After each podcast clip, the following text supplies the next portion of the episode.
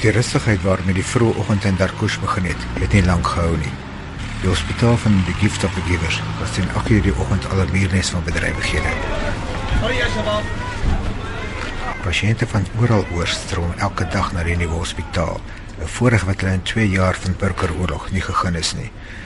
Baie pasiënte word behandel vir skrapnelwonde wat opgedoen is tydens die aanhoudende bombardering van regeringsmagte van Bashar al-Assad. Baie verskietwonde. Ander mense kom aan vir gewone alledaagse siektes en klagtes maar dit was 'n sekondêre slagoffer van die oorlog wat die Suid-Afrikaanse mediese span laat skarrel het.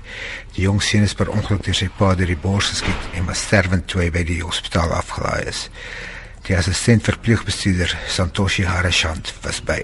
But the child had come in gasping and all attempts in terms of advanced and basic life support were unsuccessful.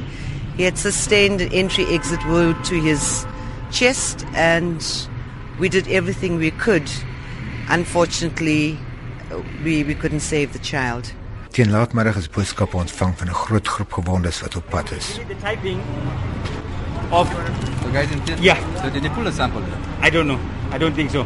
We can ask them to get. We need a typing of the guy in theater plus the guy who's lost a lot of blood. He's got a vascular injury. The guy was uh, the chaplain.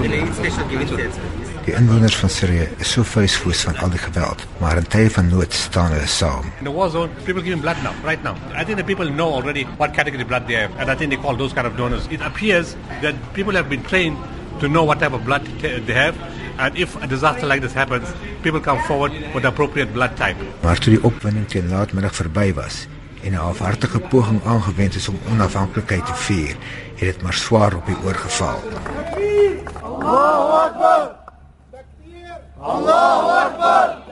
in the memory of the Independence Day of the Arabian Syrian Republic. We be glad to welcome and thank the Dr. Sooliman sê die dorpsinwoners wil die opening van die hospitaal vier, maar dit sou nie gepas wees nie.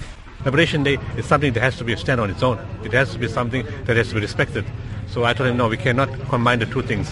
But they, they use the occasion on behalf of the community, the council, the local government, to say thank you for Gift of the Givers and the people of South Africa and the medical team and everybody who supported them.